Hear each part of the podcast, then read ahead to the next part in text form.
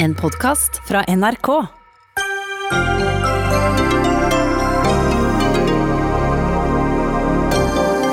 Skarpe reaksjoner på Jonas Gahr Støres intervju med NRK i går, der, der han bl.a. sa at Marianne Martinsen og Jette Christensen, som forlater Stortinget, bør være takknemlige. Lederen av Aps kvinnenettverk i Troms ble ikke imponert. Katastrofetall for både tysk og amerikansk økonomi etter koronakrisen. Hva får det å si for Norge? Statens vegvesen har kuttet over 600 årsverk de siste årene. Samtidig har konsulentutgiftene steget med 215 millioner kroner. Fagforening frykter viktig kompetanse er på vei ut. Og Norsk vegansamfunn vil bli godkjent som livssyn. Det vil det kjøttglade Senterpartiet stanse.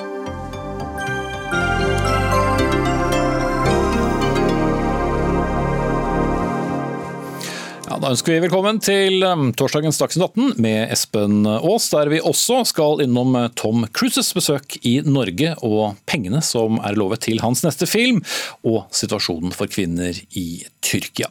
Men vi starter med norsk politikk. For det er kommet uh, mange reaksjoner på partilederen i Arbeiderpartiet, Jonas Gahr Støres intervju i NRK i uh, går kveld. Særlig har mange kvinner i Arbeiderpartiet reagert på uttalelsen om to sentrale politikere på Stortinget, nemlig Marianne Martinsen og Jette Christensen, som begge har takket nei til gjenvalg. Dette er hva Støre sa. Og så har jeg erfart det at uh, igjen, ingen er uunnværlige. Det kommer nye spennende mennesker. Uh, og jeg syns det at de som takker for seg, de kan uh, takke for seg. Og så skal de også være takknemlige for at de har fått lov til å forvalte det ansvaret det er å bli valgt. Vi inviterte Jonas Gahr Støre til studio i dag for å, utdype, for å få ham til å utdype denne takknemligheten. Det takket han nei til, men svarte likevel dette på spørsmål fra oss om de mange reaksjonene som har kommet etter uttalelsen.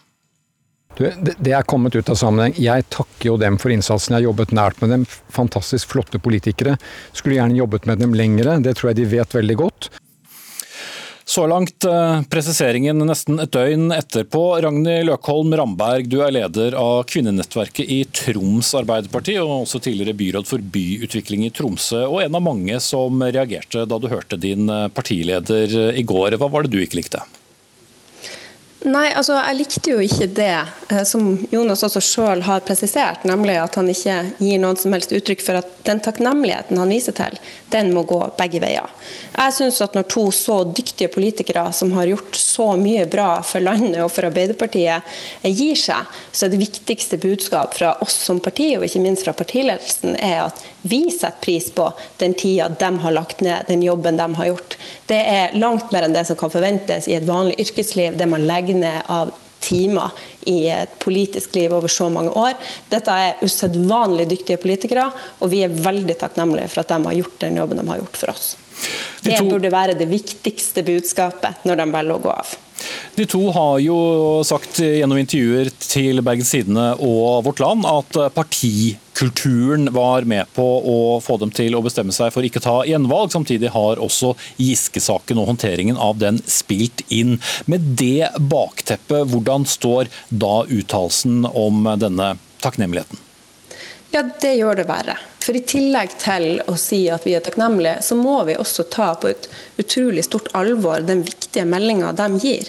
Dette er, eh, dette er alvorlig for et parti å få høre at vilkårene for å diskutere politikk ikke er så gode at de orker å fortsette. Det Uansett hva man sjøl syns om uh, rammevilkårene for å diskutere politikk i Arbeiderpartiet, så er det så alvorlig budskap at det må vi ta tak i. Det er egentlig en arbeidsordre til hele organisasjonen. Alle medlemmene og uh, ledelsen spesielt, selvfølgelig.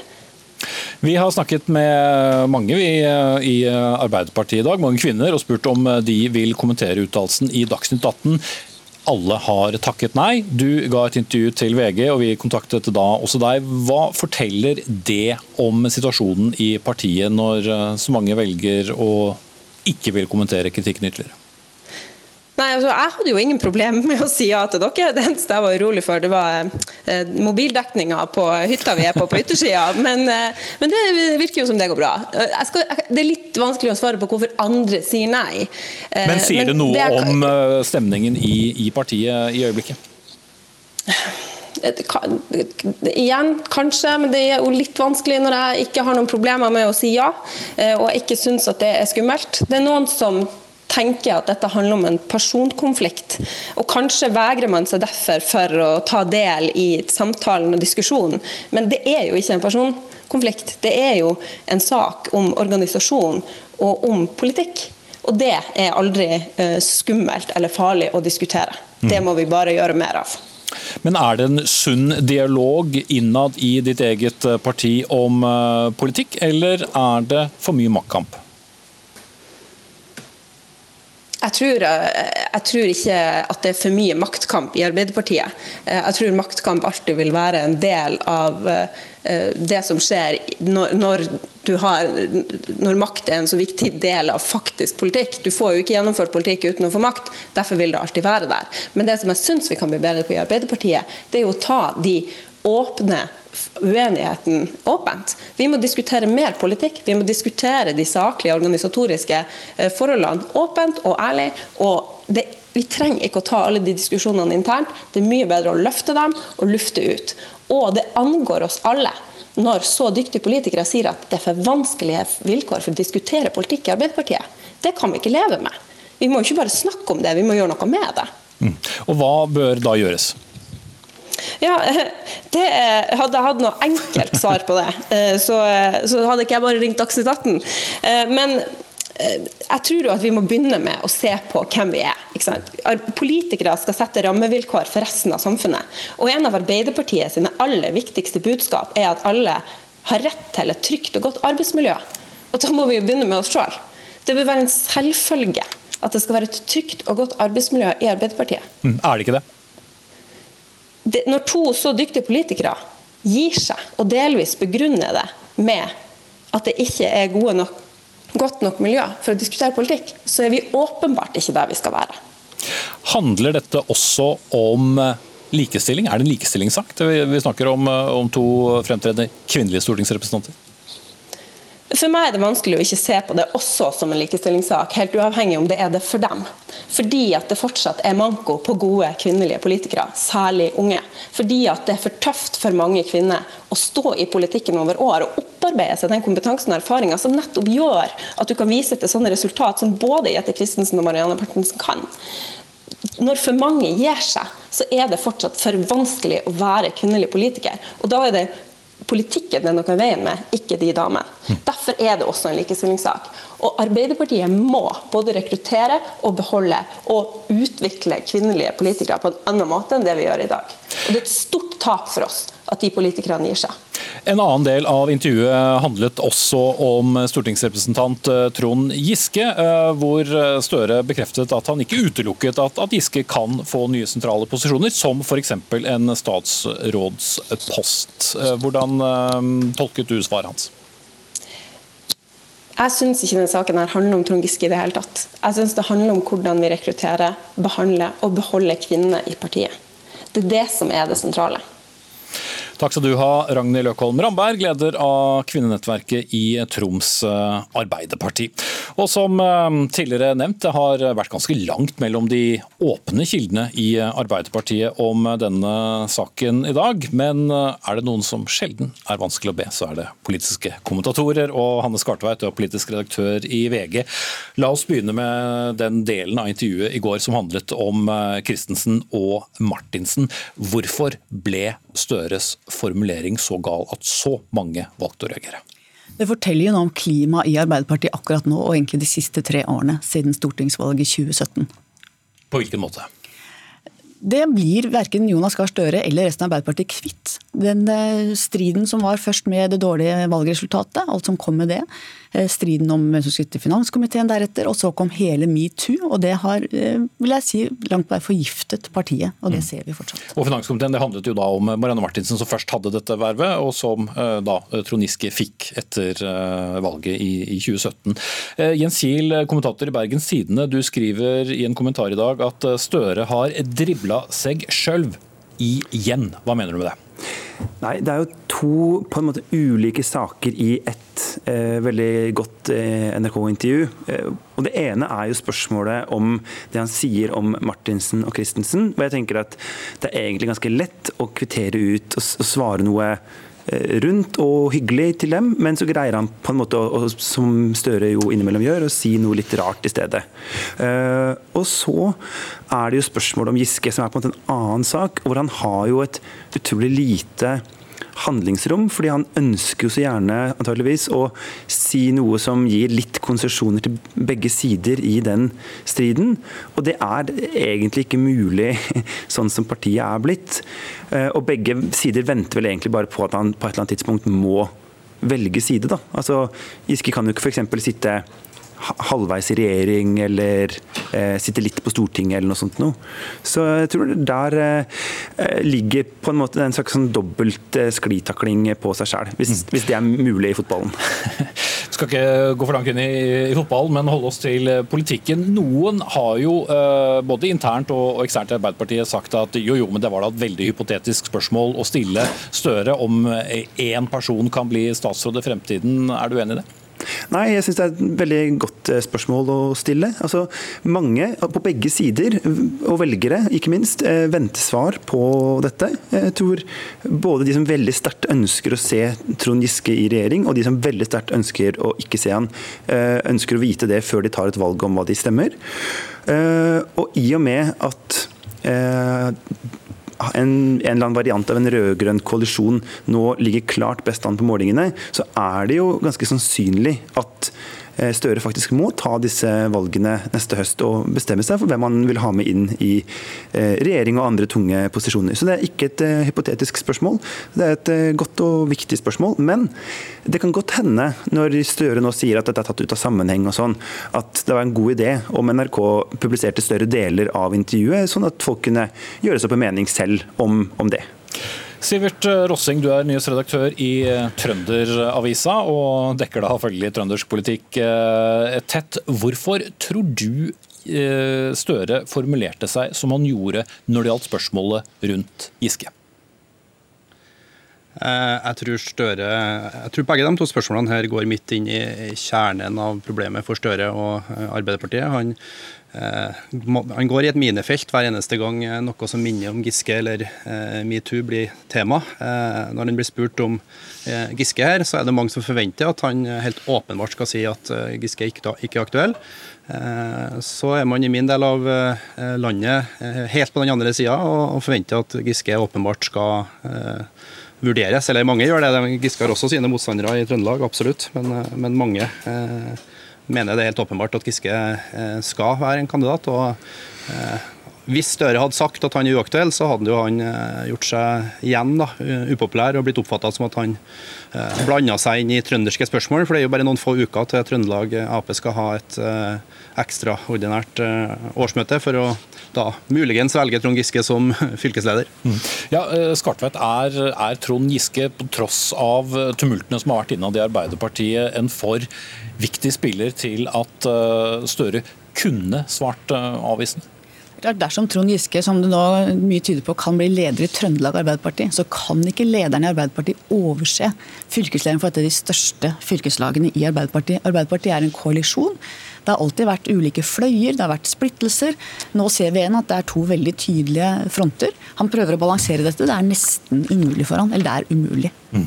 Eh, Jens Kiel, eh, etterpåklokskap er jo nettopp den dårlige vitenskapen det er. Men hvordan burde eh, Støre formulert seg da han fikk disse spørsmålene?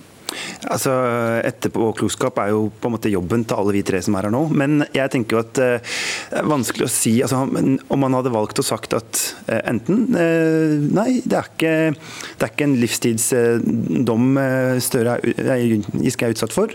Han kan komme tilbake på et tidspunkt. Eller sagt Beklager, men, men 2021 er for tidlig. Eh, tilliten er ikke gjenvunnet. Altså, går vel noe lenger i én retning, så hadde han i hvert fall vært i nærheten av å ta et valg, men nå prøver han vel å holde seg inne med to fløyer som ikke lar seg gjøre i det landskapet som, som Skartveit eh, tegner opp. Altså, som er et ekstremt eh, konfliktfylt eh, Arbeiderparti, også langs veldig mange andre akser enn bare metoo-striden rundt eh, Trond Giske. Mm. 29.8 er det altså et årsmøte i Trøndelag Arbeiderparti, Rossing. og Dersom eh, Støre hadde svart mer konkret, ville det da bli sett på fra din kant av landet som om han blandet seg inn i den nominasjonsprosessen, selv om han for all del ikke trenger å være stortingsrepresentant for å eventuelt bli en fremtidig statsråd? Ja, Vi så jo et eksempel på det tilbake i 2018, var det vel. Da eh, det sist var det diskutert om Giske kunne være eh, kandidat. Da sa jo Støre noe i retning av at det her var eh, for tidlig, og det ble jo tatt svært ille opp. Støre står vel ikke Det er vel kanskje ikke i Trøndelag han, han heller står sterkest. Og det blir kanskje oppfatta som at han prøver på en måte å, å tre noe ned over hodet på dem som de eh, ikke aksepterer. Eh, så jeg tror jo at hvis, hvis Støre hadde gått ut og diskvalifisert Giske nå, så hadde jo det bare blåst liv i, i konflikten i Trøndelag og eh, gitt Giskes støttespillere energi. Mm. Eh, Skartveit, når to da ganske markante politikere som, som Martinsen og Christensen eh, går ut, de har tonet flagg i, i, i mange saker, sittet på Stortinget i henholdsvis 10 og 15 år, gjør det også livet lettere for partilederen? Nei, Det tror jeg ikke. Jeg tror nok at det liksom Marianne Martinsen, som er en av de dyktigste finanspolitikerne Arbeiderpartiet har hatt, Jette Christen, som har vært en profilert uh, politiker. Jeg tror nok ikke nødvendigvis at det gjør det noe lettere for han, men jeg tror når han reagerte sånn som han gjorde i går på dette spørsmålet, så tror jeg han kjente litt at nå får det F være nok. Det er sjelden vi ser uh, Støre litt sånn irritert, men jeg tror han var Jeg tror han føler at han har gitt så mange konsesjoner til begge veier. Han har prøvd å balansere, han har gjort sitt beste. Han fikk Trond Giske ut den gangen da de ba om det. Han har virkelig, føler han sjøl, tror jeg, jobba på, og så kommer det tilbake og tilbake. Så jeg tror det var et uttrykk for at det som lå rett under huden hans, bare spratt fram i går, at nå får være nok. Mm. Ingen er uunnværlig, er en ting som uh, ble hengende igjen uh, fra intervjuet i går. Det er også det siste du skriver i din kommentar i dag, Jens Kiel. Det gjelder vel også partilederen selv, når vi kommer på andre siden av valget? Altså, Sivert Lossing sier at Giske, nei, Støre unnskyld, ikke står sterkest i Trøndelag. Men, men, hvor står egentlig Jonas Gahr Støre sterkest nå? ikke sant? Han eh, sliter tungt, han får kritikk for alt han gjør. Eh, og det er veldig vanskelig å se at han skal på en måte De ligger på 24% altså Hva er det for Arbeiderpartiet? Ikke sant? At han skal klare å, å, å samle partiet og lede det i en eller annen stabil retning. og og hvem er det egentlig i dag som kan påta seg rollen med å prøve å forklare utad hva er Arbeiderpartiets prosjekt i dag? ikke sant? Det er jo helt umulig, i hvert fall for meg, å, å skjønne det, egentlig. Mm. Har du skjønt det, Skartvedt? det var i hvert fall et tydeligere parti før, men det er klart de er i dødens posisjon. Arbeiderpartiet er ikke vant til å være lenge i opposisjon. Nå har de vært sju år ute av regjeringskontorene. Hvis de igjen taper valget, så er det liksom ikke noe igjen. De er mye bedre i regjeringskontorene enn utenfor, og det tror jeg vi ser resultatet av mange mange år nå utenfor, og det kler dem dårlig. Mm. Ja, Sivert Rossing, iblant eh, mange av eh, partimedlemmene i Trøndelag, så er man jo veldig da, opptatt av å finne tilbake til prosjektet. Du har jo snakket med kilder rundt om i dag. Hvor sterkt står Trond Giske til å være en av dem som skal få være med videre på det prosjektet? Og da kanskje som fylkesleder?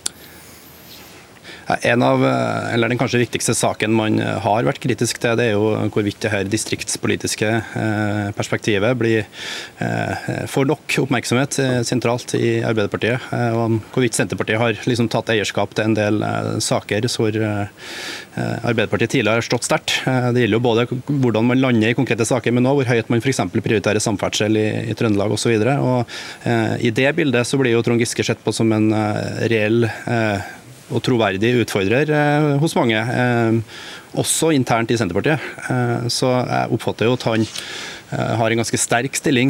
Hvorvidt det betyr at han kan bli fylkesleder i Trøndelag, er jo ikke gitt. Han har jo sine motstandere her òg. Og så er det jo et element som kanskje ikke alltid vises så ofte i, i rikspressen, men det er jo at det er ganske mange i Trøndelag som nok er ganske lei av denne Giske-saken. Nå skal man jo igjen ha et årsmøte hvor liksom alt skal bli en eneste stor Trond Giske for eller mot-markering. Uh, eventuelt uh, toppa ved kampvotering. og det skygger jo for muligheten til å drive politikk. Dette er jo et av de største fylkeslagene deres, og de kunne nok ha tenkt seg å snakke om opposisjonspolitikk til regjeringa heller enn ta stilling til Giske nok en gang. Mm. 29.8 er altså et årsmøte. Vi får se hvor muntert det blir. Takk til Hanne Skartveit, politisk redaktør i VG, Jens Kiel, kommentator i Bergens Tidende, og Sivert Rossing, nyhetsredaktør i Trønderavisa.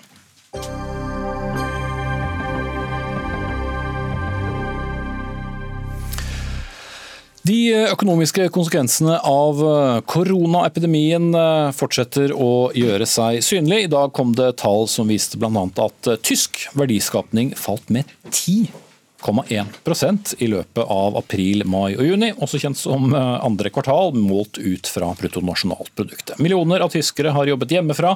Den svært viktige bilindustrien gikk for halv maskin, og de timelange Køene utenfor Berlins hippeste utesteder, ja, de forsvant. Magne Østnord, du er valutastrateg i DNB Markets. Du sa til nettstedet 24 dag at eh, fallet er større enn nedgangen vi så under eh, finanskrisen. Så hvis jeg skal spørre deg om å stille diagnosen, hvor, hvor alvorlig er situasjonen for tysk økonomi?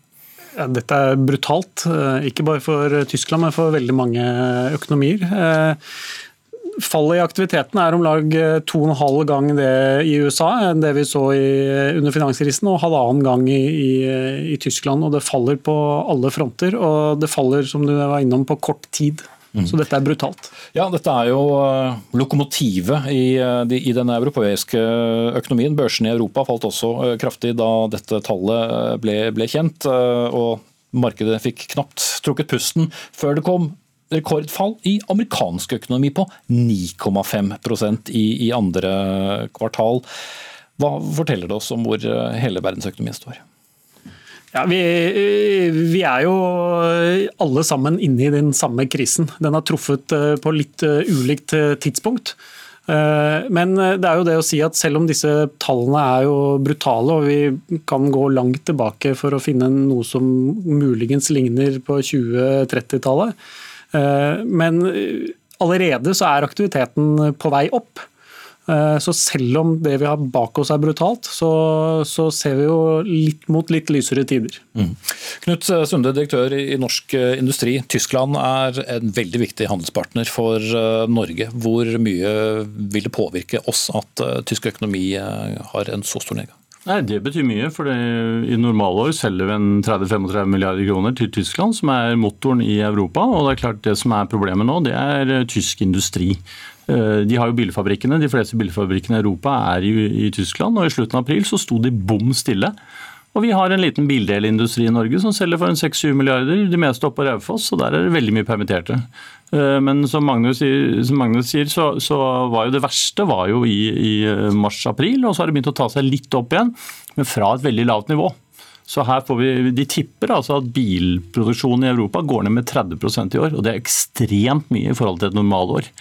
Så selv om ting går litt opp nå, så er det liksom fra et høyt nivå så er det litt opp igjen. Mm. Og Det er det som blir problemet, å forstå at dette kommer til å ta tid. En litt traurig krise inne i. Mm. Og Så ser vi at den allerede svake norske kronen fortsetter å, å svekke seg i dag. Hvorfor gjør den det? Det er jo med bakgrunn i at uh, sånne tall uh, lager jo naturlig litt dårlig stemning i, finansmarkedene.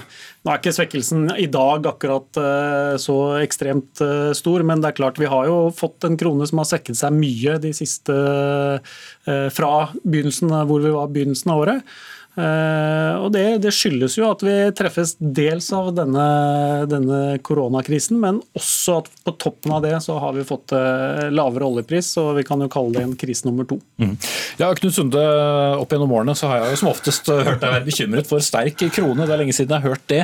Men nå som den norske kronen er så svak, altså kan det også bli et problem? For at dine bedrifter kjøper jo også varer inn til Norge, som ja, blir dyrere, eller er liksom, det bra som det er? Ja, vi vil helst ikke ha den altfor svak og altfor sterk, for det blir bare bananas i alle retninger.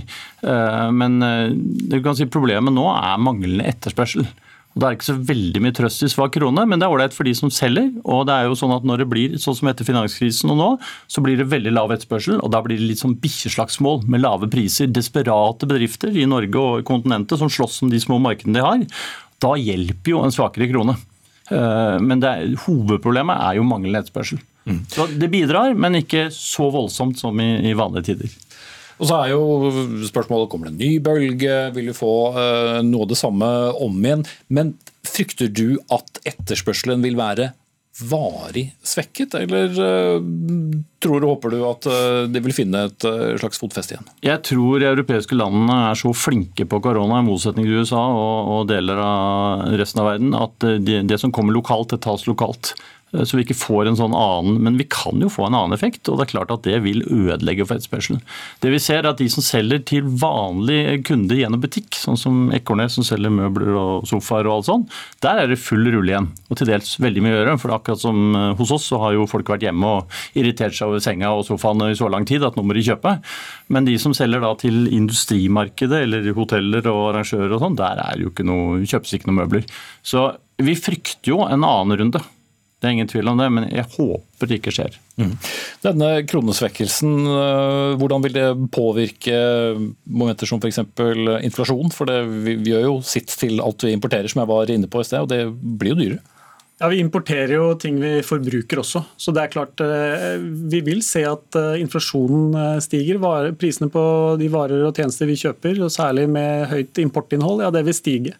Eh, men eh, på prisveksten så vil det være en midlertidig effekt. og For Norges Bank så betyr ikke det noe nå. Det er mye viktigere at aktiviteten har svekket seg så mye. og Derfor betyr det heller ikke noe for eh, rentesettingen. Mm, så Norges Bank kommer til å gjøre som den har sagt, og, og la det lave rentenivået bli stående? Det vil de. Mm. Mot slutten her, Knut eh, Sunde. Det starter noen lønnsforhandlinger i den konkurranseutsatte industrien til eh, mandag. Hvilke forventninger har dere med denne svekkede økonomien? Det jeg tror partene er enige om, at bakteppet er eh, mest alvorlig situasjonen siden annen verdenskrig. Det er mer alvorlig enn under finanskrisen, og vi vet egentlig ikke helt om vi er ferdig med det meste, eller om det bare liksom, kommer til å være ruglete i mange år. Det er uansett en, en typisk lavkonjunktur vi går inn i. Uh, og Partene har en tendens til å ta ansvar. Uh, det er ikke så mye diskusjon om lønnsoppgjør i andre land. Så vi får se. Vi møtes på mandag og, og, og, vi har en god dialog. Og så blir det litt analyse av hva som skjer fremover. Mm. Takk skal du ha, Knut Sunde, direktør i Norsk Industri, og Magne Østnord, valutastrateg i DNB Markets.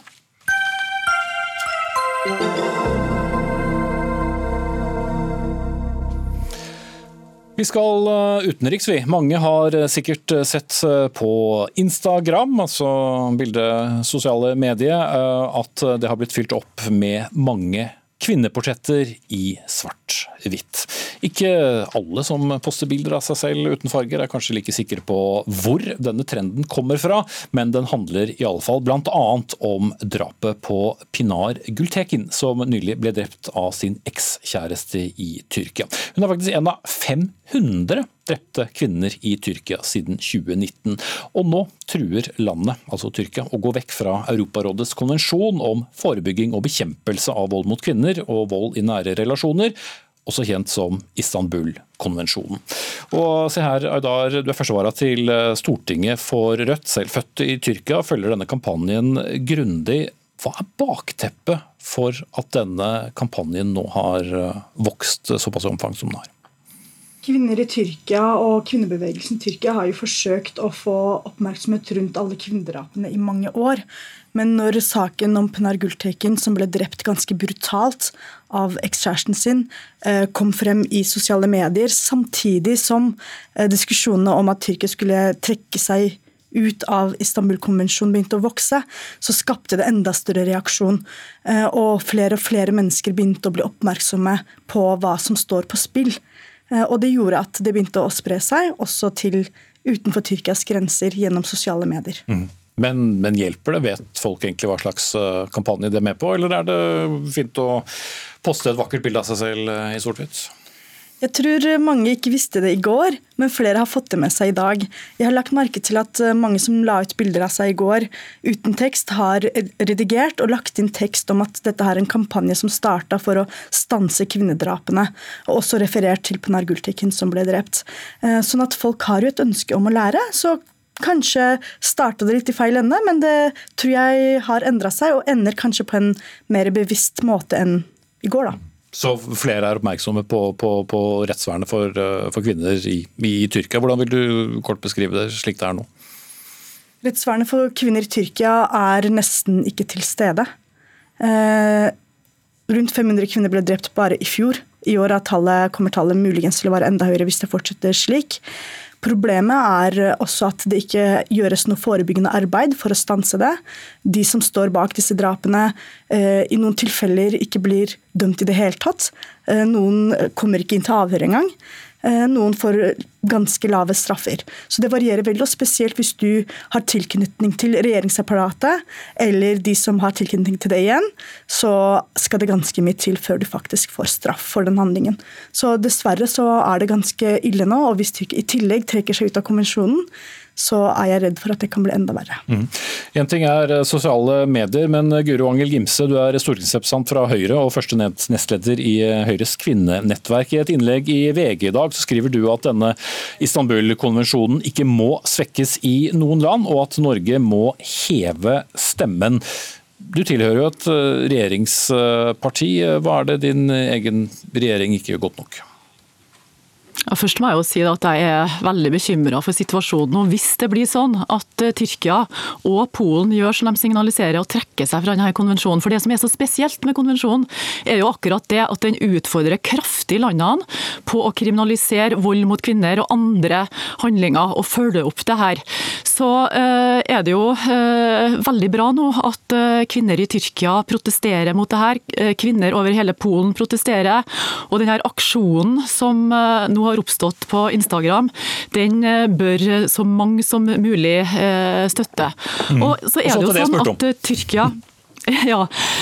Tyrkia er jo fullt klar over hvor Norge står hen når det gjelder Istanbul-konvensjonen, og hva vi mener om vold mot kvinner. Og det her tas opp eh, når vi har diplomatiske samtaler med Tyrkia. Og så er det jo sånn da, at de her eh, samtalene som skjer, de er jo ikke offentlige, men Norge har et eh, stort europeisk og internasjonalt engasjement mot vold i nære relasjoner. Har bl.a. gitt 200 millioner nå i EØS-midler til akkurat dette her, som bl.a. skal gå til Polen, som også tror jeg må trekke okay. seg fra Istanbul-konvensjonen. Så her skjer det mye fra regjeringshold. Mm, men for å gå tilbake til teksten, altså når du skriver at Norge må heve stemmen, er ikke det en annen måte å si det på at Norge ikke gjør nok slik det er i dag? Nei, eh, altså eh, jeg opplever at jeg eh, gjennom det leserinnlegget også bidrar til å heve stemmen. Det at flere nå hiver seg på å poste på Instagram det, det her, det her protesten mot det Tyrkia og Polen og andre land truer med, og i tillegg de diplomatiske kanalene som vi jobber innunder, så har vi heva stemmen vår. Og vi jobber, altså Når det gjelder regjeringa og UD, Utenriksdepartementet, så har jo de eh, jevnlig påtatt ting som skjer i Tyrkia. Det er jo eh, når det gjelder innovasjon av eh, Nordøst-Syria bl.a. Når det gjelder ja, det, det som har skjedd rundt ytringsfrihet. Så her skjer det veldig veldig mye. Og så må vi fortsette. Ja, jeg vil slippe til Aydar her også, for du så ikke ut som du er like enig i alt. Nei, jeg er nok ikke det. og jeg, det vil, jeg, håper jo at Høyres kvinnenettverk får gjennomslag, hvis det er det eh, Høyres kvinnenettverk representerer. Men problemet er at regjeringen i altfor stor grad har godtatt de eh, bruddene på menneskerettigheter, på kvinners rettigheter, på eh, minoriteters rettigheter i Tyrkia. Eh, og de har jo sagt ja, vi tar opp menneskerettighetssituasjonen, men det skulle bare mangle. Det er jo et minimum. Eh, men Advokatforeningen, altså Menneskerettighetsutvalget, Advokatforeningen og Dommerforeningen sa i fjor at Tyrkia ikke kan lenger regnes som rettsstat. Det er ganske alvorlig. Eh, og det betyr jo at alle disse menneskene som utøver eh, vold og overgrep, inkludert staten selv og deres egne styrker, slipper unna. Og Her har jo Norge et ansvar, for Norge er alliert med Tyrkia. Mm, gjennom Nato. Gjennom NATO. Men da, da, må jeg nesten spørre Rødt her eh, om hva mer de ønsker at vi skal gjøre enn eh, de diplomatiske relasjonene som vi har. Jeg har jo stor tro på diplomati. Og så vil svaret det at vi skal trekke oss fra samtaler og diplomati og eh, fra de møtearenaene som vi har med Tyrkia, så tror jeg det er en veldig veldig dum idé. Mm, på det direkte. Eh, det, det, det, det, mener jeg ikke, det mener jeg ikke at vi skal gjøre. Men den måten Norge har drevet diplomati på nå foreløpig, har jo ikke funka. Så kanskje skal man diskutere om vi skal gjøre mer Og spesielt støtte de demokratiske kreftene og kvinneorganisasjonene i Tyrkia i det arbeidet de gjør i dag. Mm. Men, og, og det, Gimse, men Gimse, det er vel også en, uh, en viss uh, balansegang alltid når en regjering både skal snakke om menneskerettigheter, kvinners rettigheter, men også opprettholde et samarbeid? Eh, det er klart at det er en balansegang, og det har jeg full eh, tiltro til at vår utenriksminister og Utenriksdepartementet eh, håndterer på en veldig god måte. Og det her er jo noe som tas opp i alle sammenhenger, og vi støtter også Europarådets viktige arbeid i denne saken. Og jeg vet jo nå rundt det at Polen ønsker å trekke seg også fra Istanbul-konvensjonen, så jobber Europarådet nå aktivt for å få dem til å ikke gjøre det. Ok, Vi får eh, se både hvordan kampanjen eh, brer seg og hvilket stemmeleie regjeringen legger seg på. Takk til Seher Aydar, førstevara for Rødt til Stortinget, og Guro Angel Gimse, stortingsrepresentant fra Høyre og første nestleder i Høyres kvinneforum. Hør Dagsnytt 18 når du vil. Radio NRK Radio.nrk.no.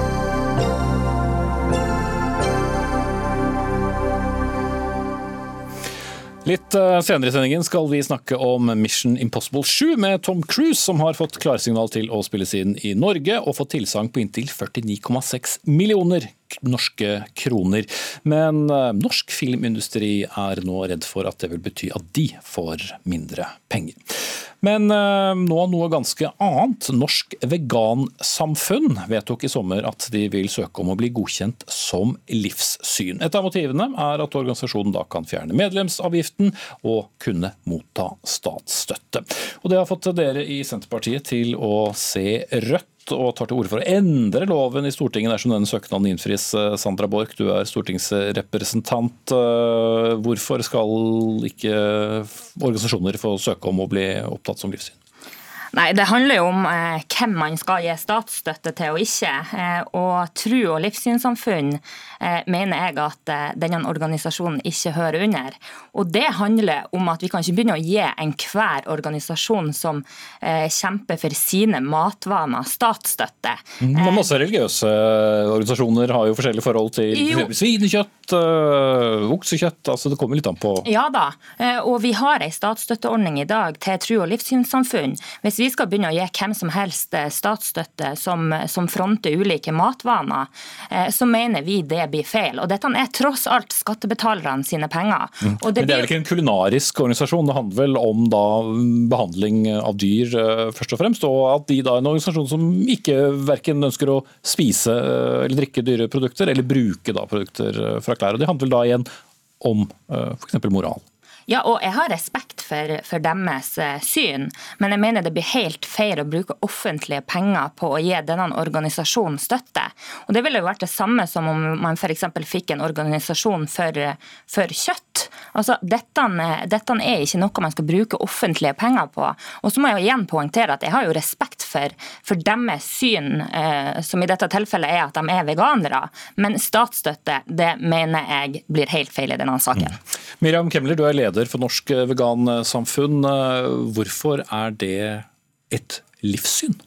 Eh, det er jo fordi at det er en utvidelse av humanismen.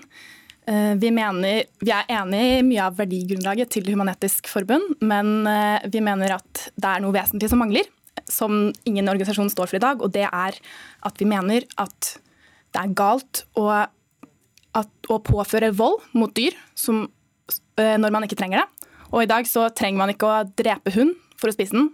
Derfor mener vi det er galt. Og vi trenger ikke å drepe andre dyr for å spise dem. Så Derfor mener vi også at det er galt. Mm. Men uh, hva er forskjellen på å kalle, dere, kalle dette et livssyn enn å f.eks. kalle dere for en pressgruppe? For dere er jo også veldig opptatt av da f.eks. at uh, ja, hvordan landbruket f.eks. behandler dyr i sin industri. Ja, det er vi, og vi kommer jo også til å jobbe politisk, men vi er først og fremst et samlingspunkt for alle veganerne i Norge. Og, ja, men Er det ikke da en pressgruppe og ikke et livssyn?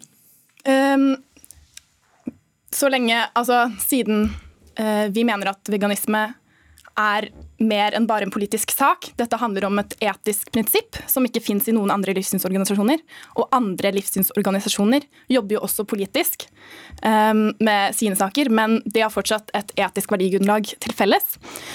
Og siden vi skiller oss fra Human-Etisk Forbund, som også jobber politisk, så mener vi at vi trenger et eget samfunn for oss som har det felles etiske verdigrunnlaget, som er at man ikke skal drepe dyr unødvendig. Mm. Men Borch, får det så stor eh, konsekvens da? Det er ikke sånn at Veganersamfunnet er en enorm eh, organisasjon i Norge? Nei, men Når vi hører begrunnelsen til Vegansamfunnet på hvorfor de ønsker denne statsstøtten, så har de jo uttalt at de ønsker den for å kjempe mot kjøttlobbyen. Sånn at, de slippe, at deres medlemmer skal slippe å betale medlemsavgift.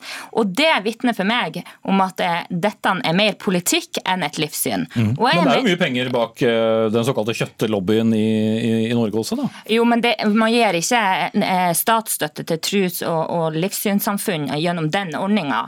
Eh, og jeg mener at vi skal være stolt av norske bønder. Jeg er selv fra et gårdsbruk. Jeg vet at eh, vi driver i Norge i dag verdens reneste og tryggeste matproduksjon. Det skal vi være stolt av. Og så skal man ikke drive og bruke skattebetalernes penger for å støtte organisasjoner og deres matvaner. Mm. Men har ikke Senterpartiet tiltro til at dette vil bli vurdert eh, på samme måte som enhver annen organisasjon får vurdert sin søknad, eller er det noe annet når det er veganere?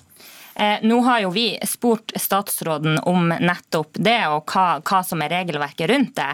Og Senterpartiet er tydelig på at eh, hvis vegansamfunnet kommer til å få denne statsstøtten, så er vi nødt til å evaluere ordninga. For jeg mener at dette kommer til å uthule også troverdigheten eh, til den støtteordninga sånn som den er i dag, retta mot tros- og livssynssamfunn. Så det er en prinsippsak?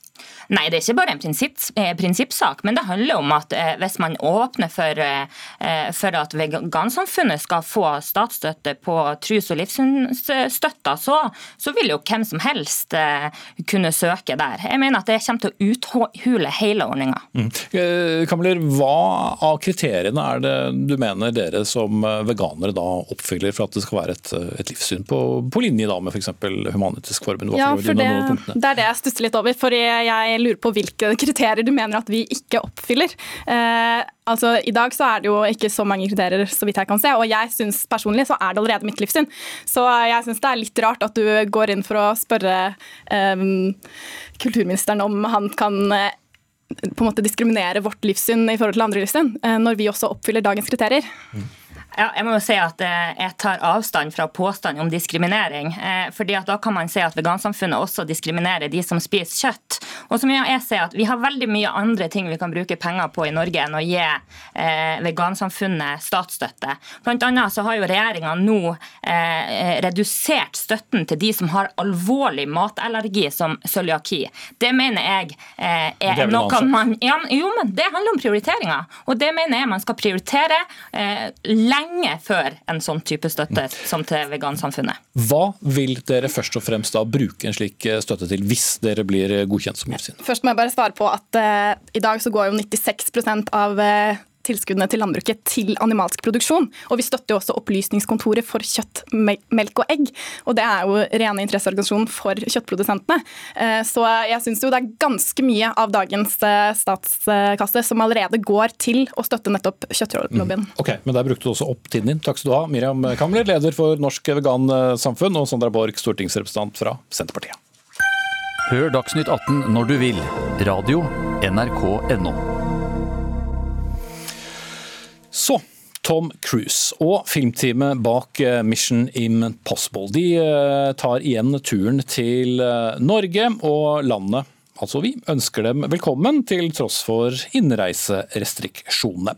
Det kunne vi bl.a. lese i Dagsavisen nylig, men produsenter her hjemme har en liten bekymring. Nemlig det at denne Hollywood-produksjonen har fått tilsagn på inntil 49,6 millioner norske kroner av Kulturdepartementet gjennom det som heter en intensivordning, som betyr at denne filmproduksjonen også skal legge igjen det firedobbelte i kjøp av tjenester her i Norge. Norge. Men eh, Elisabeth Sjåstad, du er forbundsleder i Norsk Filmforbund. Dere frykter altså at dette kommer til å gå utover norske produksjoner. På hvilken måte? Nei, faktisk så frykter ikke jeg det.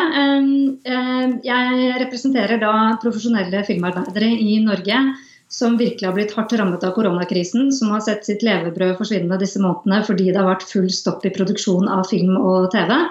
Eh, vi ønsker hjertelig velkommen alle produksjoner, både utenlandske og de norske. Og vi trenger all den aktiviteten vi kan få opp og stå igjen. Men at pengene kommer fra Kulturdepartementet har dere problematisert? Ja, altså Vi ønsker jo at denne ordningen skulle ligge under Næringsdepartementet. og Det har vært problemet med denne ordningen helt siden den ble eh, startet for ganske mange år siden. Og Det er nettopp fordi at den oppleves for eh, både uforutsigbar, og at den fra år til år kan være gjenstand for ulike politiske prioriteringer. Sånn at Det er fullt mulig at den kan gå på bekostning av norske produksjoner, men det kan også være slik at eh, den ikke har tilstrekkelig Eh, midler i potten selv til at eh, utenlandske produksjoner finner den uattraktiv og velger andre land. Så Vi ønsker at denne ordningen, eh, det beste fra begge verdener, ville vært å legge denne ordningen til Næringsdepartementet, slik at den ble automatisert og ikke var en del av Kulturdepartementets virkemidler på filmområdet. Så du frykter like altså at det kan gå utover dere? Ja, på en måte. Dette er jo like mye en reiselivsnæringsrettet ordning og en profilering av Norge. Eh, den har noen veldig positive effekter for filmarbeidere, både med kompetanse og infrastruktur. Men eh, vi ønsker denne ordningen til dit den hører hjemme, og det er Næringsdepartementet. Gunhild Berge Stang fra Venstre, du er da statssekretær i eh, Kulturdepartementet. Har denne intensivordningen landet på riktig sted, altså i deres departement?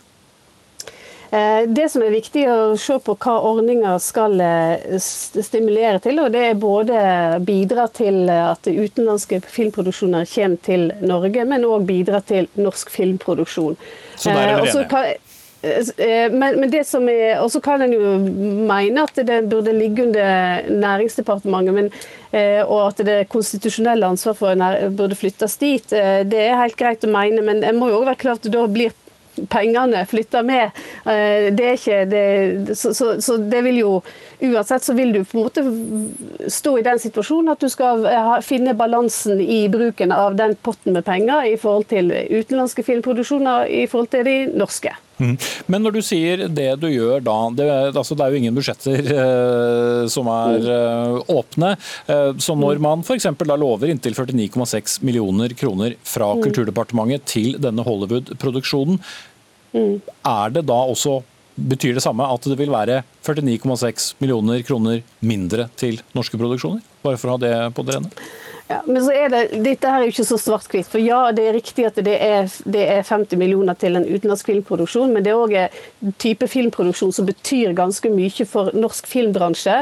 Eh, den sysselsetter, Det er jo egentlig gladsak det. Det sysselsetter 200 norske eh, arbeidere i dette. her. Det, er, det bidrar til å bygge kompetanse eh, og erfaring for norsk filmproduksjon. og Det, det ser en i mange land. det at en opptatt av å tiltrekke seg utenlandske produksjon for å eh, bygge opp egen kompetanse innenfor landet sitt. Mm. Så dette her er ikke svart-hvitt. at ja, Formelt sett så går det til en utenlandsk film, men det, det utløser veldig mye. Både i form av ekstrainvesteringer, totalt 200 millioner skal Mission Impossible bruke i Norge. I tillegg til erfaring og kompetanse, og i tillegg til det som, eh, som, eh, som, som Sjåstad var inne på i forhold til markedsføring av Norge. Mm. Greit nok.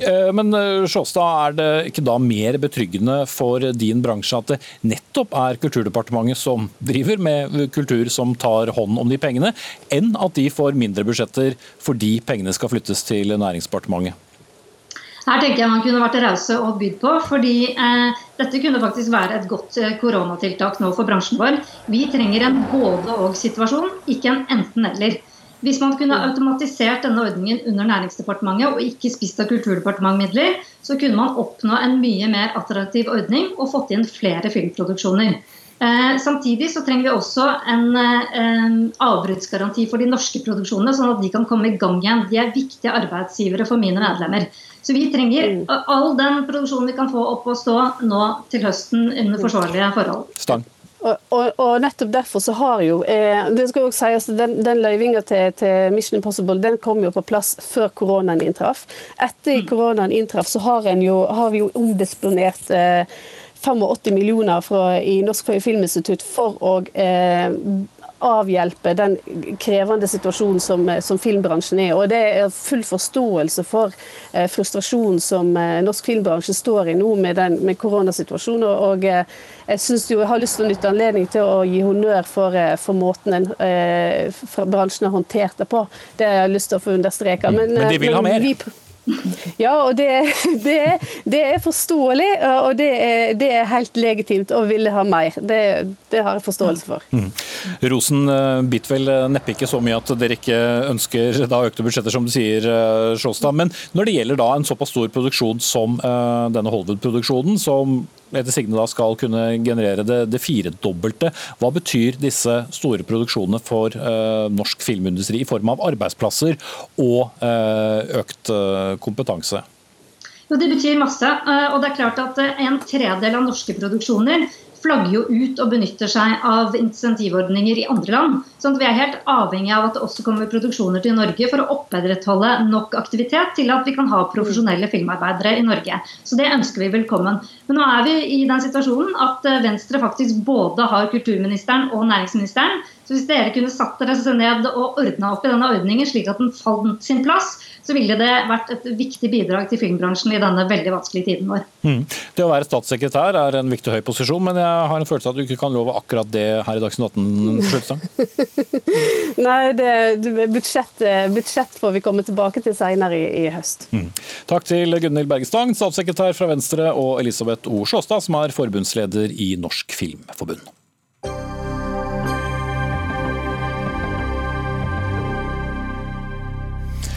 Så til en uh, annen bransje med mye penger, for å lage en litt flåst overgang. Vi skal til Statens vegvesen, og vi skal snakke om kuttede årsverk og konsulentutgifter. For i Klassekampen i dag kunne vi lese at uh, Statens vegvesen har kuttet over 600 årsverk mellom 2017 og 2019 for å spare penger. I samme periode har altså konsulentutgiftene steget med 215 millioner kroner. Og Henny Kristin Navarsete, du er fungerende leder av NTL, altså Norsk tjenestemannslags for vei, og du er også etatstillitsvalgt i Statens vegvesen. Du har reagert på disse tallene. Hvorfor? Nei, altså Vi i NTL eh, vi ønsker å levere gode, trygge og kostnadseffektive tjenester til innbyggerne i landet vårt. Og Vi mener at det gjør vi ikke først og fremst med å betale tre ganger så høy pris for en konsulent som vi gjør for en egen tilsatt. Eh, vi mener òg at når det offentlige skal levere tjenester til fellesskapet, så skal vi gjøre det med ansatte i det offentlige. For vi kjenner samfunnsoppdraget, vi kjenner utfordringene, og den samla kompetansen som vi besitter i etaten, den er kjempeviktig for å levere gode, trygge veier til innbyggerne i landet vårt. Men du sier vel ikke at Statens vegvesen bruker flere hundre millioner på å kjøpe inn en kompetanse som allerede er i Statens vegvesen? Ja, det finnes eh, dømmer på det òg. Eh, men, eh, men du vet at med budsjettkutt så er det vanskelig for Statens vegvesen å drive langsiktig planlegging.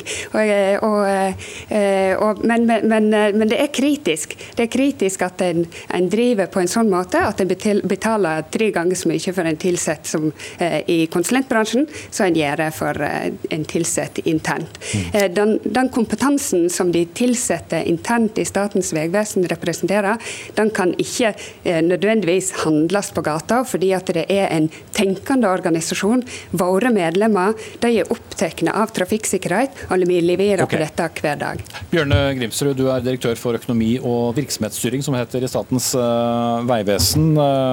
Bytter dere ut intern kompetanse og heller kjøper den eksternt? Nei, vi gjør ikke det. Statens vegvesen er veldig opptatt av å ha eh, egne ansatte innenfor sine kjerneoppgaver. Og det er ikke noe i disse tallene som eh, viser noe annet. Vi omsatte for over 60 milliarder i fjor, og brukte bare i eh, underkant av 4 milliarder av dette på konsulenter. Mm. Men 600 eh, årsverk ut da over, over, noen år, og så flere hundre millioner kroner i innkjøpte tjenester? Ja, I fjor var det et veldig spesielt år i Statens vegvesen. Vi har vært gjennom en av etatens største omstillinger noensinne. Alle de da var 6000 900 ansatte måtte søke på nye jobber, enten i Vegvesenet eller i de nye fylkeskommunale veiorganisasjonene. Eh, og Istedenfor å ansette folk på veldig kort sikt, eh, så bestemte vi oss for i fjor å bruke noe mer konsulenter for å, eh, for å, få utført de oppgavene og holde organisasjonen og produksjonen i gang, inntil vi ved årsskiftet overførte 1400 ansatte til fylkene. Og Vi har vært gjennom en, en ekstrem omstilling, og Henrik Kristin har jo vært med på det. og De tillitsvalgte har jo også vært veldig Eh, vært veldig gode samarbeidspartnere i det. og I dette arbeidet så har vi prøvd å skaffe oss fleksibilitet, så ikke vi unødvendig skal ansette og måtte si opp folk unødvendig. Mm. Men handler det også om at eh, det på lengre eller store bildet er billigere for Statens vegvesen å ikke ha ansatte fullt ansatt gjennom året, og heller da plukke de tjenestene når dere trenger dem, men da også mister den uh, interne kompetansen, som vel er uh, det argumentet som, som Navarsete? Nei, Det er ikke ett svar på det. for Vi driver jo både med egenproduksjon og vi, har, og vi kjøper tjenester av mange slag. Men det som er viktig for Statens vegvesen og en etat som Statens vegvesen, er at vi har egne ansatte på kjerneproduksjon. Vi er en byggherre, vi må ha egne ansatte på byggherreorganisasjonen. Vi må ha innkjøpskompetanse på IT osv. Det må vi ha i egen organisasjon, og det, vi, det, legger vi vekt på. Så er det oppgaver som er av midlertidig art, eh, og som krever spesialkompetanse, som, og som ikke skal være hos oss. Eller som ikke vi gjør hver dag, eller som ikke vi gjør over hele landet. Men Hvis dere bygger vei og, og, og broer, så hva, hva er det dere ikke har, som et konsulentfirma har? Og Det kan være forskjellige, forskjellige, ting. For det første så er det jo, er det jo en, våre entreprenører, det er private entreprenører som faktisk bygger eh, veiene. Eh, så også Det er jo den store utgiften eller overføringen fra gjennom Statens vegvesen, hvor vi kjøper inn eh, tjenester. Og det, det, det, gjør vi på veldig mange områder. Eh, men som sagt, på de sentrale kjerneoppgavene for Statens vegvesen så skal vi ha egne ansatte. Ok, Navarsete. Ja, altså, jeg synes jo det, det, det, er jo en interessant diskusjon, dette her. Eh, og, eh, og, og da knyttet til konsulentutgifter, da tenker jeg at det er en diskusjon som vi bør og må ta. Eh, for vi ser at det er en politisk vind som, det, som legger til rette for en omfattende bruk av konsulenter og private virksomheter i offentlig virksomhet. Ja, er det politikk dette du ser, mener du? Jeg mener at dette her er politikk. Eh, at dette er styringssignal som blir sendt nedover, og som, eh, som de offentlige etatene må forholde seg til. I tillegg til ostehøvelkutt, som gjør at, eh, at, det er veldig vanskelig å drive langsiktig planlegging for de offentlige virksomhetene, slik som det ligger føre nå.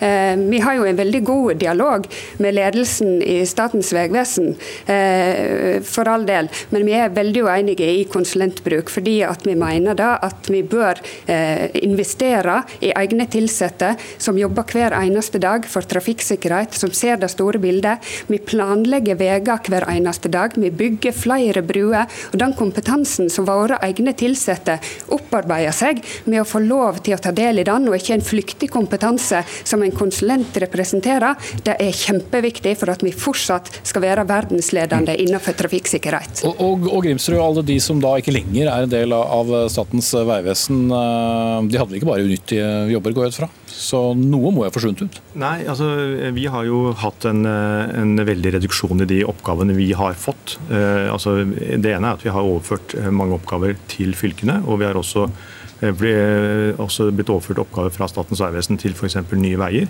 Så der hvor det før var én byggherreorganisasjon for alle statlige og fylkeskommunale veier, er det nå tolv organisasjoner. Eh, som skal utføre byggherreorganisasjoner eh, som skal utføre de samme oppgavene. Og Det betyr at vi har brukt for færre eh, personer. Og sånn sett også er det en del oppgaver som før kanskje var større og mer permanente hos oss, som i dag vi bare utfører av og til, og som vi utfører bare i deler av landet. Mm. Men Blir det bedre og flere veier av dette? da? Altså, Vi gjør vårt beste innenfor de, innenfor de rammevilkårene som vi får. Og så er det jo politikerne som bestemmer hvordan eh, selve Vei-Norge, skal, altså selve organisasjonene, skal designes. Mm. Eh, Navarsete, til slutt her. Eh, hva frykter du blir konsekvensene av at mer kjøpes inn eksternt da gjennom konsulenter?